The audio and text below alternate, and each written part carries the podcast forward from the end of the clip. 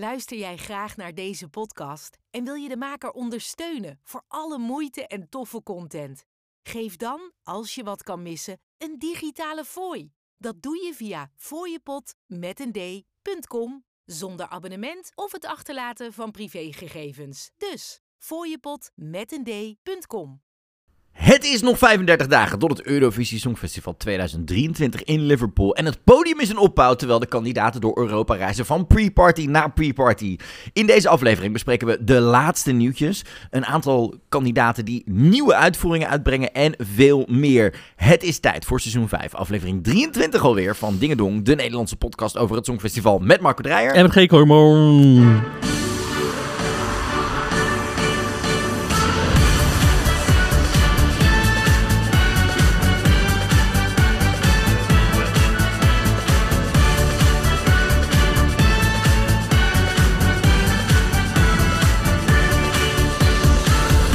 Leuk dat je luistert naar Dingedong, de Nederlandse podcast over het Eurovisie Songfestival met Marco Dreyer. En G. Hormoon. Maar zoals ik je deze week noemde, Maria Jacoba, Nee. Mar- Marco Nee. Maar daar komen we zo op terug. Ik wil niet meer. Je wil wel zeker nog wel weer. Marco, nog 35 dagen. Ik zei het net al, podium is in opbouw. It's happening. Eurovision is really happening. Ja, dat mag ik hopen. Ja, nee, ja, goed, luister, sinds Rotterdam ben je nergens meer zeker van. Maar eh, ja, het is een Je weet niet welke pandemie er opeens op de Eh, luister, heb het lef. Heb het lef. Ik heb mijn monkeypox vaccinaties, ik heb mijn hepatitis A en B vaccinatie. Want die hepatitis A vaccinatie heb ik me ook wel aan laten smeren bij de GGD voor een, voor een meer prijs. I'm good. Ik kan. Ik desnoods ga ik in een soort plastic pak die kant op. We gaan. een ronde bol en dan zo... Ja, I love it. Weet je, vroeger in het land van ooit en dan kon je zo'n berg af. Zo. Ben je daar ooit geweest, land van Ja. ooit? Fantastisch. Ja, Daar dit- blijven mensen... Er is zeg maar zo'n hele kleine generatie van mensen die daar nog is geweest. Ja. Hoe lang is dat open geweest? Vijf jaar of zo? Ja, oh, ik heb laatst. Ik ben dus eh, mega fan van eh, zeg maar pretparkvideo's en dat soort dingen. Maar ook van dit soort historische Nog meer tijd van dingen die jij... Oh my Eh, god. laat me. En eh, er zijn dus hele geschiedenisvideo's over hoe dat misgegaan Oh, ja. is met vergunningen. Eh, Het is een heel ding. Maar terug, Marco, terug naar het Songfestival. Nog 35 dagen. Eh, zoals we traditioneel weten, na vier jaar het Songfestival volgen in een podcast, is dit de, een beetje de kanten voor de storm hè, deze week. Deze week Ja, zijn iedereen is op tour, dus... iedereen is op tour, maar alle liedjes zijn bekend. het podium wordt opgebouwd. Dat zijn wel een beetje de, de grote dingen. Dus er is niet super veel, zeg maar, heet nieuws. Maar we hebben genoeg te bespreken deze week. Nou, ik zit hier toch gewoon. Ja, heel heet ben je zeker wel. Nou, daarover gesproken, normaal nemen we natuurlijk altijd s'avonds op, maar nu is het overdag. Wij zitten wel in een halve sauna nu waar we En zitten. luister, het moet helemaal kunnen. Zweedse sauna, joehoe, it's a summer blue blowout. Sup, big summer the blue out. Maar Marco, het Songfestival 35 dagen weg. Eh, ik, ik wilde gewoon even beginnen met... Hoe, jij bent net zoals ik iemand die elke week nu... daar hadden we het vorige week over, de, de liedjes luistert. Mhm. Hoe voel je je nu over de liedjes dit jaar? Ja, er zitten echt wel een aantal eh, knallers in. Ook wel echt eh, nummers die gewoon interessant zijn, ook voor de toekomst, zeg maar, met de hoek waar ze in zijn geslagen. Ja. Is dat logisch wat ik zeg? Ja. Ehm, dus er zit gewoon een beetje van alles en nog wat bij. Er zitten ook nog steeds weer van die nummers waarvan we denken, nou, leuk dat je er bent, maar ja, het hoeft allemaal niet meer. Hoi Polen. Ehm.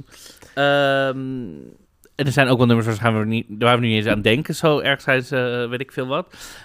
Maar ik vind het wel een leuk jaar. Ja. Ik vind het een leuk jaar. Leuker dan vorig jaar, denk ik. Ja, ik vind het een blijer jaar. Ehm, Ja. ik, word, ik word heel blij van sommige acts. Ik word ook heel blij van sommige nummers. Andere nummers merk ik wel dat ik op alleen bepaalde momenten kan horen, maar wel denk, oh, dit is wel heel erg goed. En dit jaar heb ik nog meer dan andere jaren zoiets van, er zitten gewoon dingen die tussen die gewoon echt heel erg goed zijn, maar of ze werken in een wedstrijd, weet ik niet. Maar dat betekent niet dat het gewoon niet ijzersterke dingen zijn. En dat heb ik dit jaar wat meer dan andere jaren. En dat vind ik een goed ding.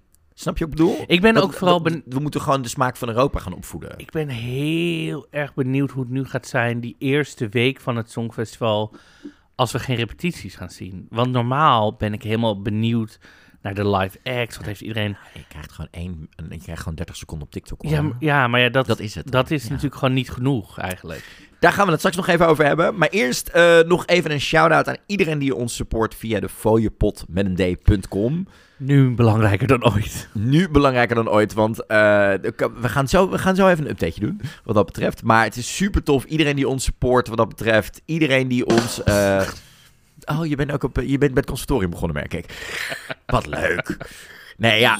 Ah, de harp. Oh, Marco. Blijf van, blijf van die knopjes af. Maar nee, ja, super tof. Je kan ons supporten op fooiepot. En dan kun je dingen doen opzoeken. Dan kun je eh, eh, vrijblijvend een fotootje doen. Zo klein of groot als je wil. Eenmalig of maandelijks. En daarmee help je ons als twee onafhankelijke podcastmakers en Songfestival-fans naar Liverpool toe.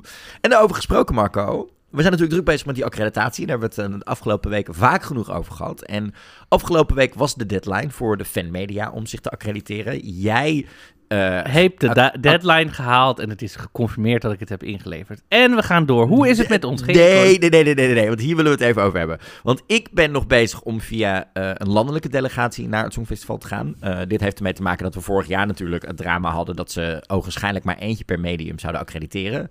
Dus hè, spreiding van kansen zodat we er allebei konden zijn. Want we hebben vorig jaar gemerkt hoe kut het is om een podcast te maken en gewoon leuke dingen samen te beleven als er maar één van de twee kan zijn. Dus dit jaar hebben we er alles op alles gezet om dat voor elkaar te krijgen.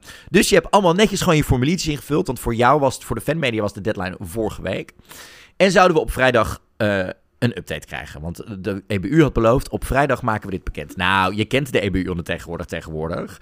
Wij moeten dit indienen bij het communicatieteam van het Songfestival. Maar communicatie vanuit het Songfestival, vanuit de EBU, is dan weer even wat moeilijker. Want uiteindelijk kwam er nul nieuws tot zondagochtend. Toen kregen een aantal van onze collega's uh, en jij te horen dat ze geaccrediteerd waren. Maar in jouw geval kreeg je te horen dat je een online accreditatie had gekregen. -hmm. Dus wij drama, wij schoppen, wij doen, wij chaos. Hoe durven ze? Wat is dit kloten? Jij had je vlucht al afgezegd en al twee weken Mykonos geboekt, alles erop en eraan. En wat bleek, nadat ik echt een bijbelsvers, ik heb echt een bijbelsvers, ik heb hier een uur aangezeten, ik heb alles uitgeplozen, een mail had gestuurd aan de EBU. Wat bleek, Marco Dreyer? Hè? Wat? Marco had een verkeerd knopje aan. ging het duren. Marco had een verkeerd knopje in het formulier aangevinkt, waardoor hij alleen voor online accreditatie ging. Maar we hebben het opgelost. Dus er is uh, zo goed als grote kans dat jij ook gewoon in het perscentrum bent uh, een week lang. En de week ervoor ook in de Euroclub iedereen kan interviewen en dat soort dingen. Maar oh Marco, wat heb ik gisteren op je lopen vloeken, maar terwijl ik van je hou.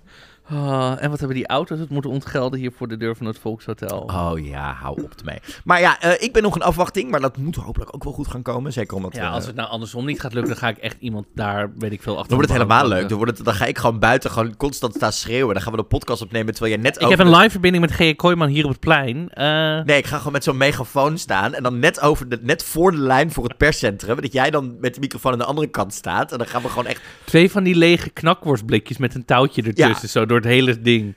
En dan elke keer als Martin Oosterdaal langsloopt. Yes, we are recording a podcast because I was not allowed to be inside. Zouden er kabels bestaan van, van, van 140 meter lang, zo één microfoon helemaal vanaf buiten? Ja, dit gaan we regelen, dit komt helemaal goed. Maar uh, ja, goed nieuws dus waarschijnlijk voor jou Marco. Want uh, de, de, EBU was wel willend om hem om te zetten naar een fanmedia accreditatie. Uh, Aanvraag. Nou, volgens mij wel. Nou, ik las er nog niet in van, het is helemaal goed. Nee, maar meer daar van... ga ik er niet helemaal van uit. Maar hun zeiden, we willen het met liefde veranderen in een FM-accreditatie. Ja. Dus uh, laten we hopen dat het goed komt. Dat zou heel fijn zijn voor jou. Nog even een kort rondje hoest met ons. Uh, laat mij beginnen. Uh, ten eerste, ik zat vorige week, ik was knettermoe. Schijnbaar heb ik me wederom schuldig gemaakt aan overmatig gebruik van het, uh, de drie woorden wat dat betreft. Dus Marco, straf me maar gewoon af deze week. Gooi er maar elke keer gewoon een Olami BBB in. Als, ik het, als je het hoort. Deal? Dus wat dat betreft... Kijk, die hebben we uitgetest. Voor de rest gaat het uh, goed met me. Ik uh, ben uh, ontzettend veel zin in komende week. Want niet alleen draai ik aanstaande vrijdag bij Miauw in Enschede... op het leukste queerfeestje van het oosten. De week daarna is gewoon Eurovision in concert. En daarna draai ik in niks een Eurovision set samen met David, de Heartbreaks. Vanaf middernacht tot half twee in uh, de Nix. En DJ Naals Jeffrey neemt ook wat Eurovision babs mee. Dus wil je komen dansen na Eurovision in concert? In de mainstage of op de... In de kleine, in de kleine, in de kleine zaal. Maar dat wordt gewoon één groot feestje. Kom jij, uh, kom jij uh, nog even je slow-mo choreo laten zien? Weet ik niet. Ja, vast wel. Luister, ik ben bejaard. Ja, dat ben ik ook. Maar luister, if the, if the gays, the gays, the queers, the days, the dems want it... They're trying, trying to kill me. Dus daar heb ik heel erg zin in. Uh, voor de rest, ja, gewoon heel erg veel leuke, toffe dingen. En we waren afgelopen donderdag waren we uh, bij het Moxie Hotel voor een ontzettend inspirerende avond met uh, Queen Lotte van Eyck. Mm -hmm. En daar moet ik toch even iets over kwijt. Want ook daar was er weer een Songfestival gerelateerd tintje. En het, het, het zit me toch nog steeds een beetje dwars als opa zijnde, Ja, dat je daar dan mensen tegenkomt die Ja, eh, ook naar het Songfestival gaan, niets met het Songfestival hebben, maar omdat ze op TikTok, TikTok. zitten, ja ik vraag me nog steeds af wat ze daar doen. het, het, en zeg maar, het enige wat ze doen is première na première na première Ja. aflaven, af en toe een dansfilmpje maken en that's about fucking it. Ja. Worden ze betaald een week naar het Songfestival gestuurd en komen ze op dat soort bijeenkomsten naar ons toe. Ja, maar werkt dat eigenlijk? Het Songfestival? Is het een beetje leuk? Ja, ik ga vijf dagen helemaal betaald die kant op. Dan ik, en ik weet dat het niets met ons te maken heeft, maar wij zijn gewoon al vier jaar bezig met een gigantisch goede podcast. En ik zie zoveel creators om ons heen. Alicia Michelle, eh, de grote eh, eh, Eurovision-YouTuber uit Amerika, gaat ook niet omdat ze het zo onzeker vond qua accreditatie. Er zijn andere landen waarin namen die wij kennen uit Turijn en uit Rotterdam, die echt jaar in jaar uit elke nationale finale afgaan om artiesten te interviewen. Hele weken vrij nemen om de finale van Melodiefestivalen te verslaan. Pre-parties afgaan om interviews te doen voor hun fansites, voor hun podcast en dat soort dingen. Die zitten allemaal in het ongewisse. En TikTok krijgt even een vrijbrief om, om gewoon vanuit elk land, wat ik begrijp, Europees land, gewoon 5 à 10 mensen betaald mee te nemen die kant op. Ik vind daar dingen van. Hoe sta jij erin? Want jij zit een beetje aan beide kanten natuurlijk. Want aan de ene kant snap je de kant van ons als podcasters die kaart werken. Maar aan de andere kant als influencer en, en cultuurmaker, ook op online platformen, krijg je ook wel eens van zulke uitnodiging. Hoe sta jij erin? Ja, kijk, ik als. ehm, ik als maker denk. Kijk, als ik aan. Ik krijg zeg maar heel veel aanvragen de hele tijd. Of ik naar dit persding wil. Wil ik naar dit persding? Hier is een pers. Weet ik veel. Oké. Maar ik kijk altijd wat past bij mij. Wat vind ik leuk om te doen. Kijk, en je kan natuurlijk denken. Oh, maar ik kijk ieder jaar het Songfestival met. Weet je, is dat genoeg bonding? Maar ik vraag me dus alsnog af. Dan ben je daar en dan? Ja. Wat ga je TikTokken ook? Ben nu in Liverpool. Ja, weet je, en ik weet echt wel hoe dit gaat, want hier zit gewoon een hele persstrip aan vast. Dus hun hele programma, het is echt niet dat ze worden vrijgelaten in het perscentrum van, oh, doe maar. Zij krijgen gewoon, zij worden ge, ge- ingevlogen. Dan worden ze naar, met een busje naar het hotel gebracht. Dan is er, we eten hier, daar zo laat. Dan rijden we met het busje hierheen. Dan krijgen we hier een rondleiding. Het is gewoon helemaal eh, promotie van alles. Weet je wel, het is helemaal Ja. gepland. Dus ik weet hoe dat gaat. Dus dat gaat allemaal hele generic content zijn. Dus dat heeft niks met... Ja, we hebben vorig jaar gezien dat er een gamer in één keer in outfit stond met wat is je favoriete game. En we zagen TikTokkers in Turijn, dat heb ik dan meegemaakt. Jij niet, die in één keer dansjes wilden gaan doen met artiesten die gewoon een hele mooie proper ballad kwamen zingen. Ja, het is gewoon heel erg zo... Ik wil, ik wil zelf toffe content maken. En TikTok en, en Eurovision hopen gewoon dat mensen die misschien nog niet zoveel hebben met het Songfestival... meer met het Songfestival gaan hebben. Of meer zichtbaarheid gaan hebben. Dat is het. Ja, ja, ik vind het echt een dingetje wat dat betreft. Maar eh, Kijk, en weet je wat TikTok gaat doen? En dat, dit gaat nog frustrerender zijn. Want ik weet hoe dat gaat met de algoritmes van TikTok. TikTok weet welke TikTokkers zijn... zijn. ehm, welke TikTokkers zij eh, boeken, meegaan. Dus in het algoritme, alles wat zij maken die week, wordt helemaal naar voren gepusht. Dus het gaat ook nog eens heel, heel goed bekeken worden. En dan denkt Eurovision alleen maar, oh, Kijk eens Nou, hoeveel views kijk eens hoeveel hebben. views. Terwijl, want ik heb een keer een rondleiding gegeven door het, ehm, de Hermitage voor TikTok, van een half uur. Dat werd ook binnen no time door 300.000 kinderen bekeken, een livestream was dat. Terwijl... Normaal, als ik een TikTok zou maken in de Hermitage, wordt het natuurlijk helemaal niet... Tuurlijk kijken er mensen, maar niet 300.000 mensen. Dus het, Dan pusht TikTok het ook. dus het pusht ons ook niet als makers om ook meer op TikTok te gaan doen. Want onze content gaat niet zo hard scoren als die van die TikTokkers die daar al zijn uitgenodigd. Nee. Dus dat is dan ook weer zo'n ding. Nou, anyhow. Terwijl het kan wel, maar kijk, wij zouden ook deze podcast kunnen filmen natuurlijk. Ik bedoel, dat kan nu niet, want dat kost veel te veel tijd. Ja. En dat kan ik niet in mijn eentje. Eh, of, of met z'n tweeën, zeg maar. Maar kijk, die andere podcast die ik presenteer, Eerste Dingen, die moet bedenken, daar gaan we ook heel goed op TikTok. We worden geloof ik een half miljoen keer, of ja, een half miljoen mensen kijken daar. Maar je moet bedenken dat wij, wij presenteren het. We hebben een producer die de audio opneemt. Dan hebben we nog een Gen Zier die alle TikToks volgens edit, ondertitel. Weet je wel, Ja. Eh, dat is een hele productie. Dat is een heel commercieel bedrijf ook. Dat, wat die, die, die krachten hebben wij niet. Nee, we zijn met z'n twee. Ja, dat zou kunnen als ik er meer tijd voor vrij zou kunnen nemen, zeg maar. Nee, maar Als dan, het gaat het, meer- dan gaat het, no offense, dan gaat het in jouw inko- inkomen zitten. nee, maar dus als, het, als ja. dit, dit het hoeft niet, want het is gewoon een, een passieproject, dus het hoeft niet. Maar stel je voor dat we hier geld mee zouden verdienen. Nogmaals, willen we niet, dit wordt niet een soort sponsor ons. Maar ik bedoel, je mag ons altijd sponsoren, maar niet van, oh, we moeten hier geld mee verdienen. Maar dan zou ik er zoveel tijd in kunnen stoppen. En dat is zeg maar hier wat er, Wat er eh, speelt. Wat er speelt. Moes voor de rest met jou, even kort. Ja, dit is heel veel huis, huis, huis, huis, huis, muren, vloeren, huisvloeren. Je bent het behangen, hè? Behangen, maar we hebben nu ook weer bedacht dat behangen toch misschien wel ingewikkeld is. En waarom doen we niet gewoon verven? Mijn ouders hadden ook bedacht, we gaan behangen. En nu denk ik ook, waarom kopen we niet gewoon witte grondverf? En waarom doen we niet gewoon... Dan kunnen ook veel meer van mijn vrienden helpen. Ja, Want als ik tegen mensen zeg behangen, denkt iedereen, ja, ja, hangen. Terwijl verven kan... Ja, zelfs ik. zelfs GJ kan, behangen, v- kan verven. Dus... Ik kan ook behangen. Ehm, nee, maar ik bedoel, je snapt, heel veel mensen kunnen dat Ja. niet. En verf is gewoon, ja, met een klein kwastje of groot, of als je hoekjes hebt. Waarom zou je het ingewikkeld maken als het ook Daarom. makkelijk kan? Wie vindt het wel leuk? Weer klussen aan een nieuw plekje? Ja, het is gewoon heel veel tijd. En ik heb gewoon, ik mis vooral heel erg mijn kleren allemaal. Want alles zit natuurlijk in die, in die loods. Ja. En ik heb maar een, twee tassen in mijn kast bij mijn ouders. Het is genoeg, weet je wel. Norma een normaal mens heeft dit ook gewoon, waarschijnlijk. Maar ik krijg helemaal jeuk.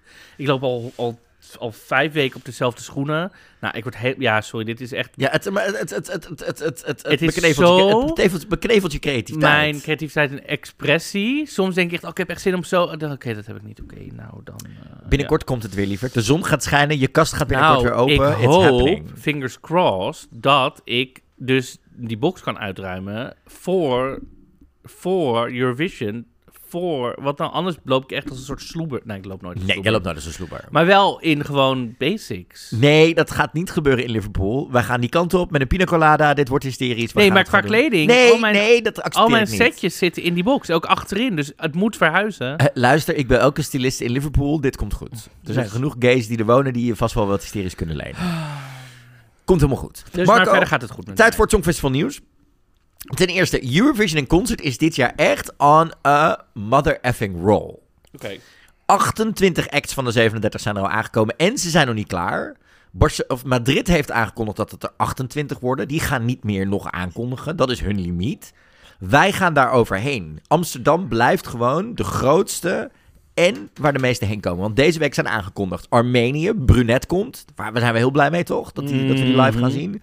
Albina en de Kelmeni Familia, dus Albanië is erbij. Die hebben nog nooit een Eurovision concert gemist. Die zijn er ook weer bij dit jaar. Riley van Denemarken is erbij.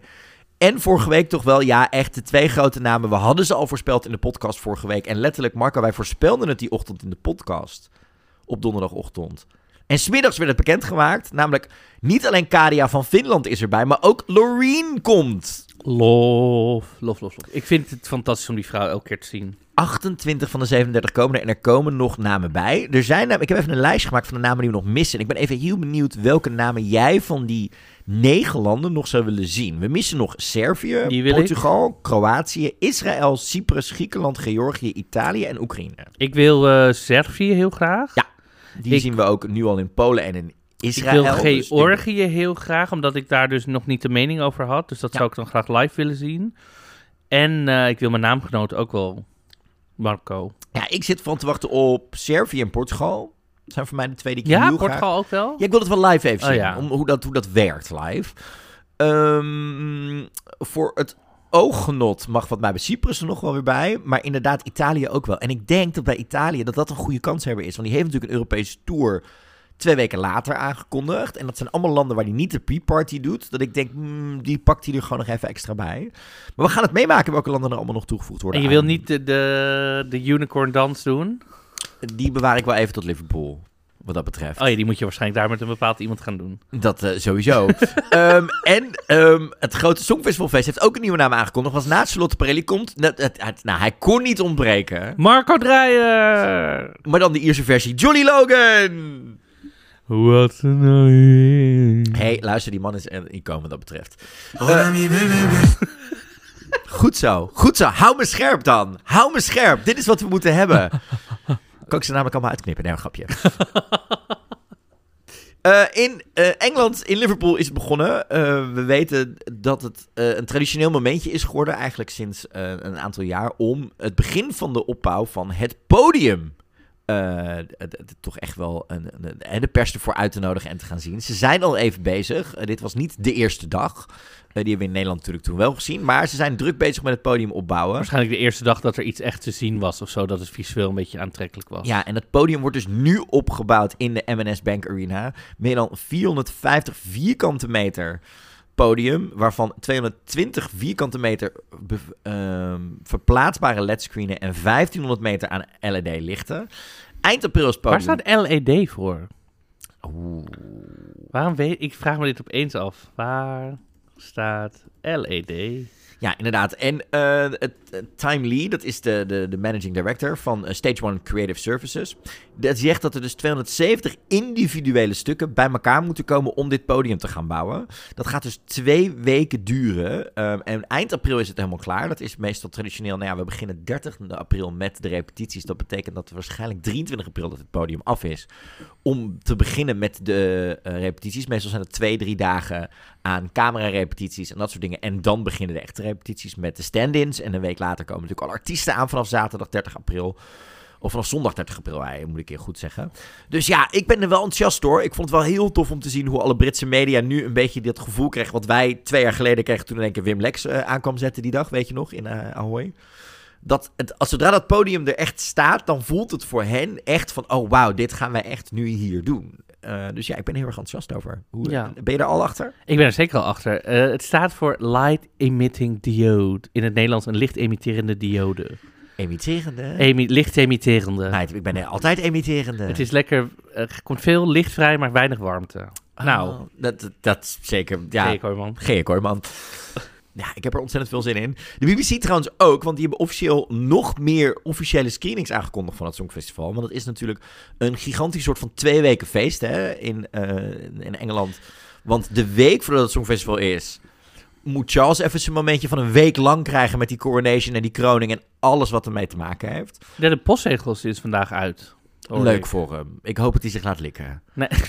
Hij heeft een heel minimalistische, zonder kroon. Oh, interessant. Maar dat is dus de week ervoor. Dus de, de, UK is compleet in feeststemming. En daarom heeft de BBC aangekondigd dat er naast die 500 bioscoopzalen ook een aantal officiële buitenscreenings gaan zijn eh, qua het Songfestival. En de week daarvoor zal er ook de kroning te zien zijn. Dus dat gaan ze combineren. Dus die schermen blijven staan. Worden echt gigantische festivals. Die gaan plaatsvinden in Birmingham, Brighton, Cardiff, Darlington, Leeds, Manchester, Newcastle, Nottingham en Sheffield. Die zijn tot nu toe bekend. Er komen er nog meer bij. Maar opvallend niets in Schotland, terwijl die toch bij de laatste twee zaten qua hosting eh, dit jaar. Dus dat was een soort van interessant dingetje. Maar de- dat wordt echt, het wordt echt chaos die, in de BBC. Wij gaan het ook gewoon meemaken in de UK, Marco, die kroning. Vind ik wel leuk. Wel zin in. Heftig. Ja? Ja, vind ik heftig. Waarom vind je dat heftig? Ben je anti-monarchie? Antimonarchie? Nee, ja, I don't know. Dit hele, daar, dat hele koningshuis in Engeland is natuurlijk helemaal ellendig. Ja. Met alle landen waar, zijn, waar hij nog officieel de koning... eh, Hou nee, het mag, weet ik Hou. Ik heb er laatst iets over gehoord. Helemaal ellendig. Nou goed. Maar het is wel leuk dat we dat feestje mee gaan krijgen, Ja, een toch? feestje is leuk. Een feestje is helemaal leuk. En over feestjes gesproken, de National Lottery's Big Eurovision Welcome Party komt eraan. Dat gaat plaatsvinden op 7 mei. En eh, dat wordt een gigantisch feest. Het gaat 90 minuten duren. En dat gaat gebeuren eh, voor St. George's Hall, waar natuurlijk ook de allocation draw was. Gehost door AJ Odudu, die we natuurlijk ook nog kennen van eh, de Mhm. draw. Nou, dit wordt echt een gigantische avond. Gigantische, vol met iconische Liverpoolians, Eurovision performers, allemaal sterren en alles erop en eraan. Dit wordt echt een gigantisch feest en heel tof. De eerste pre-sale is begonnen, nu eerst voor mensen die in de buurt wonen. Je kan alleen als je een postcode hebt om Liverpool, eh, van een aantal eh, gemeentes eh, bij en om Liverpool, Mhm. kun je hier in eerste instantie tickets voor aanvragen. Die kosten dan maar 5 pond. En daarna kun je alleen tickets krijgen als je meespeelt met de National Lottery. Maar ze zijn dus eerst echt op zoek om eerst de mensen die echt vanuit de stad komen, om die echt een feestje te geven. En dan denk ik, het voelt gewoon bij alles wat de BBC en de rest allemaal aan het doen is, alsof ze echt bezig zijn met ook wat er voor de bewoners te doen is, wat dat betreft. Dat ze niet alleen maar, oké, leuk dat die toeristen komen en dat de rest van de UK naar ons toe komt, maar nee, we zorgen eerst dat de buurtbewoners hierbij kunnen zijn. Want die verdienen ook een feestje in hun eigen stad. Want anders voelt het zo alsof ze buitengesloten worden bij alles wat ze zelf doen. Mhm. Vind ik een heel mooi streven wat dat betreft. Ja? Toch? Jazeker. Oh, crap, zat hij weer. Ehm, Ja, gelijk heb je. Ehm, ja, ik ben hier heel enthousiast over. Gewoon maar twee, twee pond per ticket betaal je als je in de buurt woont. Ja, top. Ja, ik vind gewoon hoe, hoe meer... nou, gewoon betrek het publiek in elke vorm, mate en hoe dichterbij. Hoe meer impact het ook heeft. Dus betrek, ja, betrek iedereen er gewoon bij. Ik kom er straks nog even op terug. Maar als ik zie wat er allemaal kan die twee weken in Liverpool. Mhm. Qua culturele activiteiten, feestjes, Euroclub, Eurojam, Euro whatever. Het wordt wel een soort van keuzestress. En ook een soort van eh, elkaar aankijken van... Oké, we moeten ook gewoon slapen, uitrusten, van het Songfestival genieten... en niet alleen maar die dingen eromheen doen. Want wij hebben nooit een Songfestival meegemaakt. Zoals Nee, dit nu gaat gebeuren, zoals andere landen en andere media dit wel meegemaakt heeft, met alles erom, met die hele randprogrammering. wij moeten gewoon een planning maken. Dat ook, maar ook En ook een planning van wat we willen maken. eens. Dat komt zeker goed, daar gaan we zeker mee aan de slag. Dus ja, ik heb er ontzettend veel zin in. Maar ik zie wel de echt een soort van keuzestress voor mijn neus voorbij komen. But it's all fine. Was er ook nog trouwens eh, nieuws over sustainability, Marco? Vertel. Jazeker, het Songfestival wil steeds meer groen en, en, eh, en eh, duurzaam zijn. Dus we zijn aan het kijken naar wat kunnen we doen met alle kostuums en props en decor en alles als het klaar is. Want het wordt natuurlijk één keer gebruikt. En we hebben dan niet volgend jaar weer iemand die in hetzelfde kostuum of die met hetzelfde... Je hebt natuurlijk de dansers en de pauze act en zo. Dus er wordt heel erg gekeken. stond even de Pause Act en toen dacht ik, De pauze die? act, die Komt ook. hadden ze vorig jaar, dat hadden ze in Turijn moeten doen vorig die, jaar. Die lag laatst in het ziekenhuis. Eh, die komt niet. Dus ehm, wat gewoon vooral belangrijk is, eh, is dat ze aan het kijken zijn. Dus ze willen het af-auctionen of, of verkopen voor het goed doel. Of sommige stukken juist naar museums, weet je. Of gewoon kijken, oké, we hebben het gebruikt. Hoe en wat en waar en wanneer kunnen we het recyclen? Dus dat lijkt me alleen maar hele goede stappen. Eigenlijk. toch? En eigenlijk heel normaal ook. Het- In ja, plaats van het gewoon. En ja, we zijn er nog steeds niet achter wat er nou gebeurd is met die, eh, met die trompetten van James Newman. Die schijnen ook nog steeds ergens te staan, dus die zijn ook gewoon gerecycled. Ja, nou, maar die staan ergens op een parkeerplaats, toch? Of zo? En wat is er gebeurd met de opblaasmaan van Blas Canto? Die vraag is ook nog steeds niet beantwoord. Nee. Nee. Wie weet. We zullen, zullen we hem daar eens over bellen? Zullen we dat gewoon, dat de insteek maken van ons interview met hem? Where did you, where did you put your moon? And can you moon us? Wat? Ja, zoiets in die richting. Nou, hij heeft trouwens een autobiografie uitgebracht. Heb je hem al gekocht? Hij is nog niet vertaald. Nou, maar dan kun je toch Spaans leren? Duolingo, kom op. hop Nee, dat is mijn nieuwe LOE-cursus voor het volgende jaar. Of mijn stapbudget voor het volgend jaar. Want ik heb nu die, die eh, vorig jaar heb ik afgerond. Ja. Dat diploma binnen. Dus nu moet ik weer eh, dit jaar een volgende Dus je krijgen. gaat Spaans leren. Uiteraard ga ik Spaans Want dan gaan we naar Benidorm Fest volgend jaar. Juist, precies. Over leuke dingen gesproken. Wij zijn trouwens toegelaten als pers bij Eurovision in Concert. Over brr, anderhalve week. Wat betekent dat wij daar een poging gaan doen om heel veel artiesten te spreken. En Loreen. Want dat gaat niet lukken, denk ik. Ik denk dat daar echt een rij gaat ontstaan van hier tot, nou, letterlijk Het tot is aan de Ziggo Dome. Ook zo voorspelbaar. Ja, maar ik bedoel, Wij gaan gewoon de het rest is proberen te zo'n spreken. makkelijke content Ja. voor mensen. Oh, ik wil ook niet faken. Anyhow, heb jij vragen voor een van de tot nu toe 28 artiesten die naar Eurovision Concert komt? En wil je dat wij die stellen? Stuur ons dan even een DM'tje. Stuur ons een DM'tje op Of wacht je Instagram. nog steeds op Marco Dreyer die Blas Kanto gaat interviewen? Same. Same, same, same, same, same, same, same. Maar we hebben ondertussen je, je, blas, je, je blaskanto van dit jaar wel weer gevonden. Jij gaat een kwartier lang met eh Luke Black gewoon alleen maar artistieke eh, interessante vragen stellen Ja. en dat soort dingen. Dat is een beetje je Sheldon Riley van dit jaar. I, which I live for. Dus dat wordt heel erg leuk. Ja, ik heb er ontzettend veel zin in. Ik ben heel erg benieuwd. En s'avonds zijn we er ook bij natuurlijk. We gaan even zorgen dat we op tijd jullie eh, op die dag, dat moeten we even niet vergeten, een, een meeting point aangeven. Zodat, want er zijn een aantal luisteraars die ook in een eentje komen, die ook ons al gedM'd hebben of een Twitterbericht gestuurd hadden van joh, we teamen dit jaar weer op met de dames van eh Songfestivalforum.nl. En samen zorgen we gewoon dat we met z'n allen gewoon een gezellig plekje hebben. Een beetje achterin. We laten wel even weten hoe en wat. Zodat mocht je in je eentje gaan en denken... Oh, ik vind het toch wel een dingetje met mijn eentje te gaan. Of twijfel je nog, want er zijn niet zo heel veel kaarten meer. En denk je, ja, in mijn eentje, ik weet het niet. Gewoon met de andere luisteraars. Kom gewoon bij ons, haak gewoon bij ons aan. Wordt super gezellig. Marco is alweer bezig met alle choreo's instuderen. Ik ben aan het zorgen dat ik de teksten fonetisch mee kan zingen. Het wordt één groot feestje. Maar echt serieus, koop een ticket als je nog twijfelt. Of, eh, want ze zijn echt bijna uitverkocht. Zeker nu. Da, Ja, ik kan niet wachten erop. da, Daar heb ik helemaal zin in. we waren nog, twee, eh, nog één ander nieuwtje waar we het even over moesten hebben. Namelijk, eh, het was Eurovision Week bij Drag Race Zweden. Zwedica. Ja, het was... Ze hadden de... Oh, hoe heet het nou? Ik heb het net opgezocht. Wacht. Melodiefestivalen, eh Ja, ja, persiflage. Dari, Dari is... Dadica Songfestival of zo. I don't know. Dus het was helemaal... eh, De, oh, wacht, ik heb het al. De Dragodi Festival was het. Ja, in plaats van Melodiefestival. Melodiefestival. En dan gingen ze, moesten ze, werden opgedeeld in twee groepen van drie, ja. En dan moesten ze een cover doen van een Melodiefestival eh inzending. En dan mochten ze eigen teksten opschrijven. Nou, het was helemaal, eh, helemaal hysterisch uiteraard. Dus ze waren helemaal bezig met wat is nou een goed songfestivalnummer? Moeten we het parodiëren of niet? En er is natuurlijk bij Drag Race altijd een gastjurylid, wat soms wel en tegenwoordig vaker ook helemaal niet aansluit bij de, ehm, bij de, bij de challenge. Maar dit, ik wil zeggen dit jaar, deze keer bij deze aflevering, hadden ze bedacht, nou, we doen wel een songfestival in een inzending. En daar zat ze, Miss, eh, Miss Loreen. Miss Lorraine. Hela idén med reveal är att överraska. Och det gjorde du inte. Jag har ju lite svårt för clownenergi kallar jag det för. När man gömmer sig bakom roliga personligheter så liksom. Jag saknade dig. Så don't hide behind a bloody smile.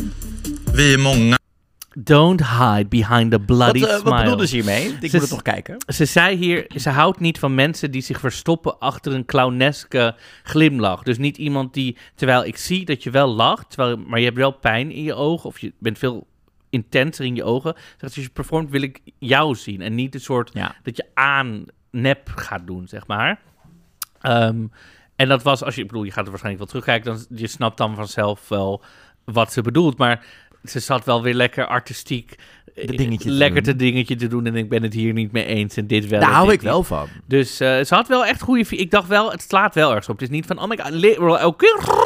En daarna hadden we natuurlijk een lip-sync van Euphoria. Oh ja. Die ook natuurlijk best wel goed in elkaar zat. Eindelijk dat nummer eens een keer in een, in een Europese versie. Nou, er was één iemand die deed heel goed. En één iemand was de helft van de tijd bezig met een pakje vast aan het maken. Het was weer, ja. Het was Messi. Het- Santana Sex Machine. Luister, ik hou van die vrouw. Een vriendin van me. Echt? Ja, ik ken haar, ze ken haar nog uit Zweden. En daarna is ze naar Berlijn verhuisd en dat soort dingen. Ik dacht opeens, ik zag dat, die heeft groen haar. Toen dacht ik, moet ik mijn haar ook groen verven? Ik weet niet of groen dan helemaal de kleur is, maar een kleurtje in je haar is wel een, lekker dingetje. Ja, I love dat. Ja, ik, de Drag Race Zweden, ik hou ervan. Heel blij mee. Blij dat ze het deden. Eh, meer Eurovision in Drag Race is altijd eh, welkom. Wat Als zij bij Drag Race Zweden geen songfestival, ik wou zeggen podcast, geen songfestival, Melodiefestival challenge hadden gedaan, was echt het plank misslaan. Nou ja, dat doen ze wel vaker in Zweden met Melody Festival. Dus wat dat betreft, hey, you never know. Eh, trouwens, nog geen update als het gaat over eh, Stagegate met eh Loreen, met, met, met de tosti-ijzer. Zeg maar, eh, over wat er nou gaat gebeuren met die staging. Maar ik heb zo'n vermoeden dat ze daar flink naar gevraagd zal gaan worden als ze de pre-parties begint. Dus we gaan het mee Misschien gaat ze gewoon verkleed als een hele grote nagel nu, met die nagels van haar tegenwoordig. Oh, ik, you never know. Ik ben Schimpy. Gadver. Dit krijg ik dus niet meer uit me. Wauw. Oké. Ik, dit, nee, dit, het, dit, ik, ik moet gewoon even nu gewoon een palet cleanser hebben. Marco, pak die jingle erbij.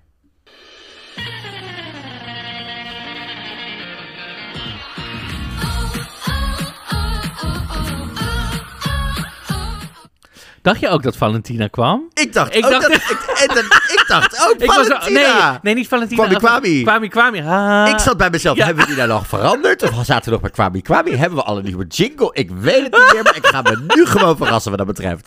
Ik dacht echt, oh, nu komt... ah, En dan bij was het... ah. dacht Toen ik, dacht oh ik, ja. oh ja. Ik wist wel dat we naar Frankrijk toe gingen, want er is nieuws. Het is eh, deze week bekendgemaakt. Het Junior Eurovision Song Contest gaat plaatsvinden in Nice. En op dat vinden we nice. Op 26 november gaan ze dat doen. Eh, dit is Deze de tweede al keer. 14 keer gemaakt. Ja, dat snap ik. Marco, blijf erbij. Dit is goed nieuws om meerdere redenen. Want het is natuurlijk de tweede keer dat eh, Frankrijk dit mag gaan hosten. In 2021 waren wij erbij, in Parijs. Ehm, ze gaan het doen in Paleis Nikaya. Dat is een eh, venue die geopend is in 2001. En er, onder andere Depeche Mode en anderen hebben er ook concerten gedaan. Er kunnen 9000 mensen in. Het toffe is, er is ook een nieuw logo voor het Eurovision. Eh, het logo is eh, natuurlijk gewoon bekendgemaakt met... het was iets meer Junior Eurovision gemaakt qua stijl hoe het er nu uitziet. Wat een enorme zaal. Ja, gigantisch hè? Holy- 9000 mensen kunnen erin. Holy... een mooie zaal ook. Ja, zeker. Dus ja, maar we gaan gelukkig niet naar Parijs voor een tweede keer. We gaan ook vroeger in de maand zitten, waardoor we niet dat vervloekte kerstthema terugkrijgen. Daar ben ik dan persoonlijk heel blij mee. Maar we gaan gewoon lekker naar de zuid, het zuiden van Frankrijk. Gaan ik neem een bikini mee. Ja, je hebt de temperatuur al opgezocht, zag ik. Ja, 14 graden. Nou, prima. Dan kun jij gewoon lekker met je stijve tepeltjes door Nice gaan, gaan, gaan, gaan lopen wat dat betreft. Maar ja, dit is heel erg tof. Ik heb er heel erg zin in. Eh, de- de- de- wij gaan misschien wel weer kijken of we erbij kunnen zijn natuurlijk. Eh, met de trein is het sowieso flink te doen. En we hebben natuurlijk in Parijs echt een hele toffe tijd gehad. Ik ben wel eens naar het zuiden geweest. Toen met die nudistencamping. Dus dat duurde zes uurtjes of zo. Oh, dat vind ik prima te doen. Ja. Nou, z- oh, zes uurtjes op het reizen. Ik dacht zes uurtjes op een camping. Dat vind ik dat- nou, prima. Het, is, het valt echt super mee hoor, nudistencampings. Echt Ja, heel I leuk. know. Laat maar. De, trouwens, de volgende landen hebben al hun deelname toegezegd aan het Junior Songfestival. Frankrijk, Georgië, Duitsland, Ierland, Malta, Nederland en Spanje zijn er sowieso weer bij. Wanneer worden wij even geëerd? Omdat wij het enige land zijn wat tot nu toe bij alle edities zijn aanwezig. Wauw, dat die zin ging echt helemaal door de war. Wij zijn als enige land aanwezig geweest bij alle edities. Dat bedoel ik. En al 21 jaar. Kortom, we zijn nu legally an adult at Junior Eurovision. Ik zeg, let's go. Meer winnen. Ik zeg, dat gaan we zeker doen eh, dit jaar. Marco Spelletje?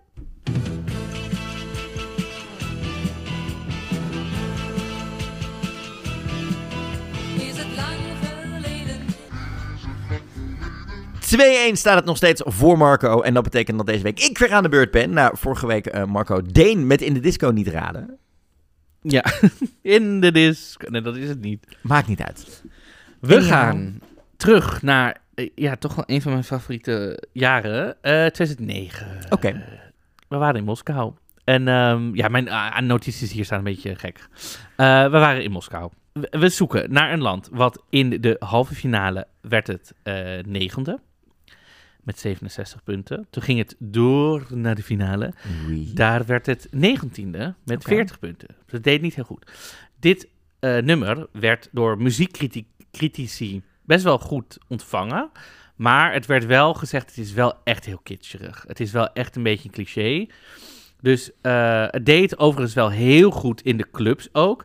Het deed het vooral heel goed in de Griekse clubs, daar werd het gedraaid. In de Maltese clubs werd het gedraaid. Ook in Turkse clubs werd er echt door de, vooral door de meiden in de club, werd er heel erg lekker gedanst en zo. Ehm, op het podium stonden ook vijf meiden eh, die in deze act meededen. Allemaal lekker met hun haren te, te swingen. Het is een, ja, op volk geïnfluenced, maar wel een popliedje. Dus ik dacht misschien, 2009, het is wel een popnummer, misschien gaat er iets... eh, eh, vijf meiden, zeg je. Zingen ze ook alle vijf? Nee. Ehm, Is dit La La Love? nee, het is niet La La Love. Ehm, even kijken. Eh, ze hebben toen... eh, Is het Turkije? Het is niet Turkije. Ze hebben een tour gedaan in Duitsland, in Engeland. Ook in Nederland zijn ze langs geweest om het, om het te promoten. In België. Ehm, en er is ook een videoclip uitgekomen. Daar stonden ze ook lekker te dansen in de club. Want het is echt een... eh, ja, echt een Je hebt het zo over dansen en clubs dat dit een soort van hint moet zijn bijna. Maar ik, ik weet niet, is het, is het Shake It Shikerim? Nee. Is het, het, wat is het dan wel? Hè? Ze houden gewoon van een feestje. Hoe, hoe doet dit land het? Die de meiden houden jaren? gewoon van een feestje, ja. Party, ja, god. Ik heb geen idee wat het is. Echt, het is een soort van waas over mijn... Nou, kom op. Er zit hier een hint in en ik zie hem gewoon niet, hè? Party, club, iets in die richting. Welke, oké, eh, welke eh, ja, eh, land heeft volgens mij nog nooit gewonnen, zeg ik nu? Is het Cyprus? Nee. Is het Griekenland? Nee, maar die hebben gewonnen met, met uh, Helena Paparizou. Ik heb geen idee, Marco. Ik, vind, ik geef het ook gewoon op. Ja. Ik geef het ook gewoon op. Vertel. Het is Elena met de Balkan Girls uit Roemenië.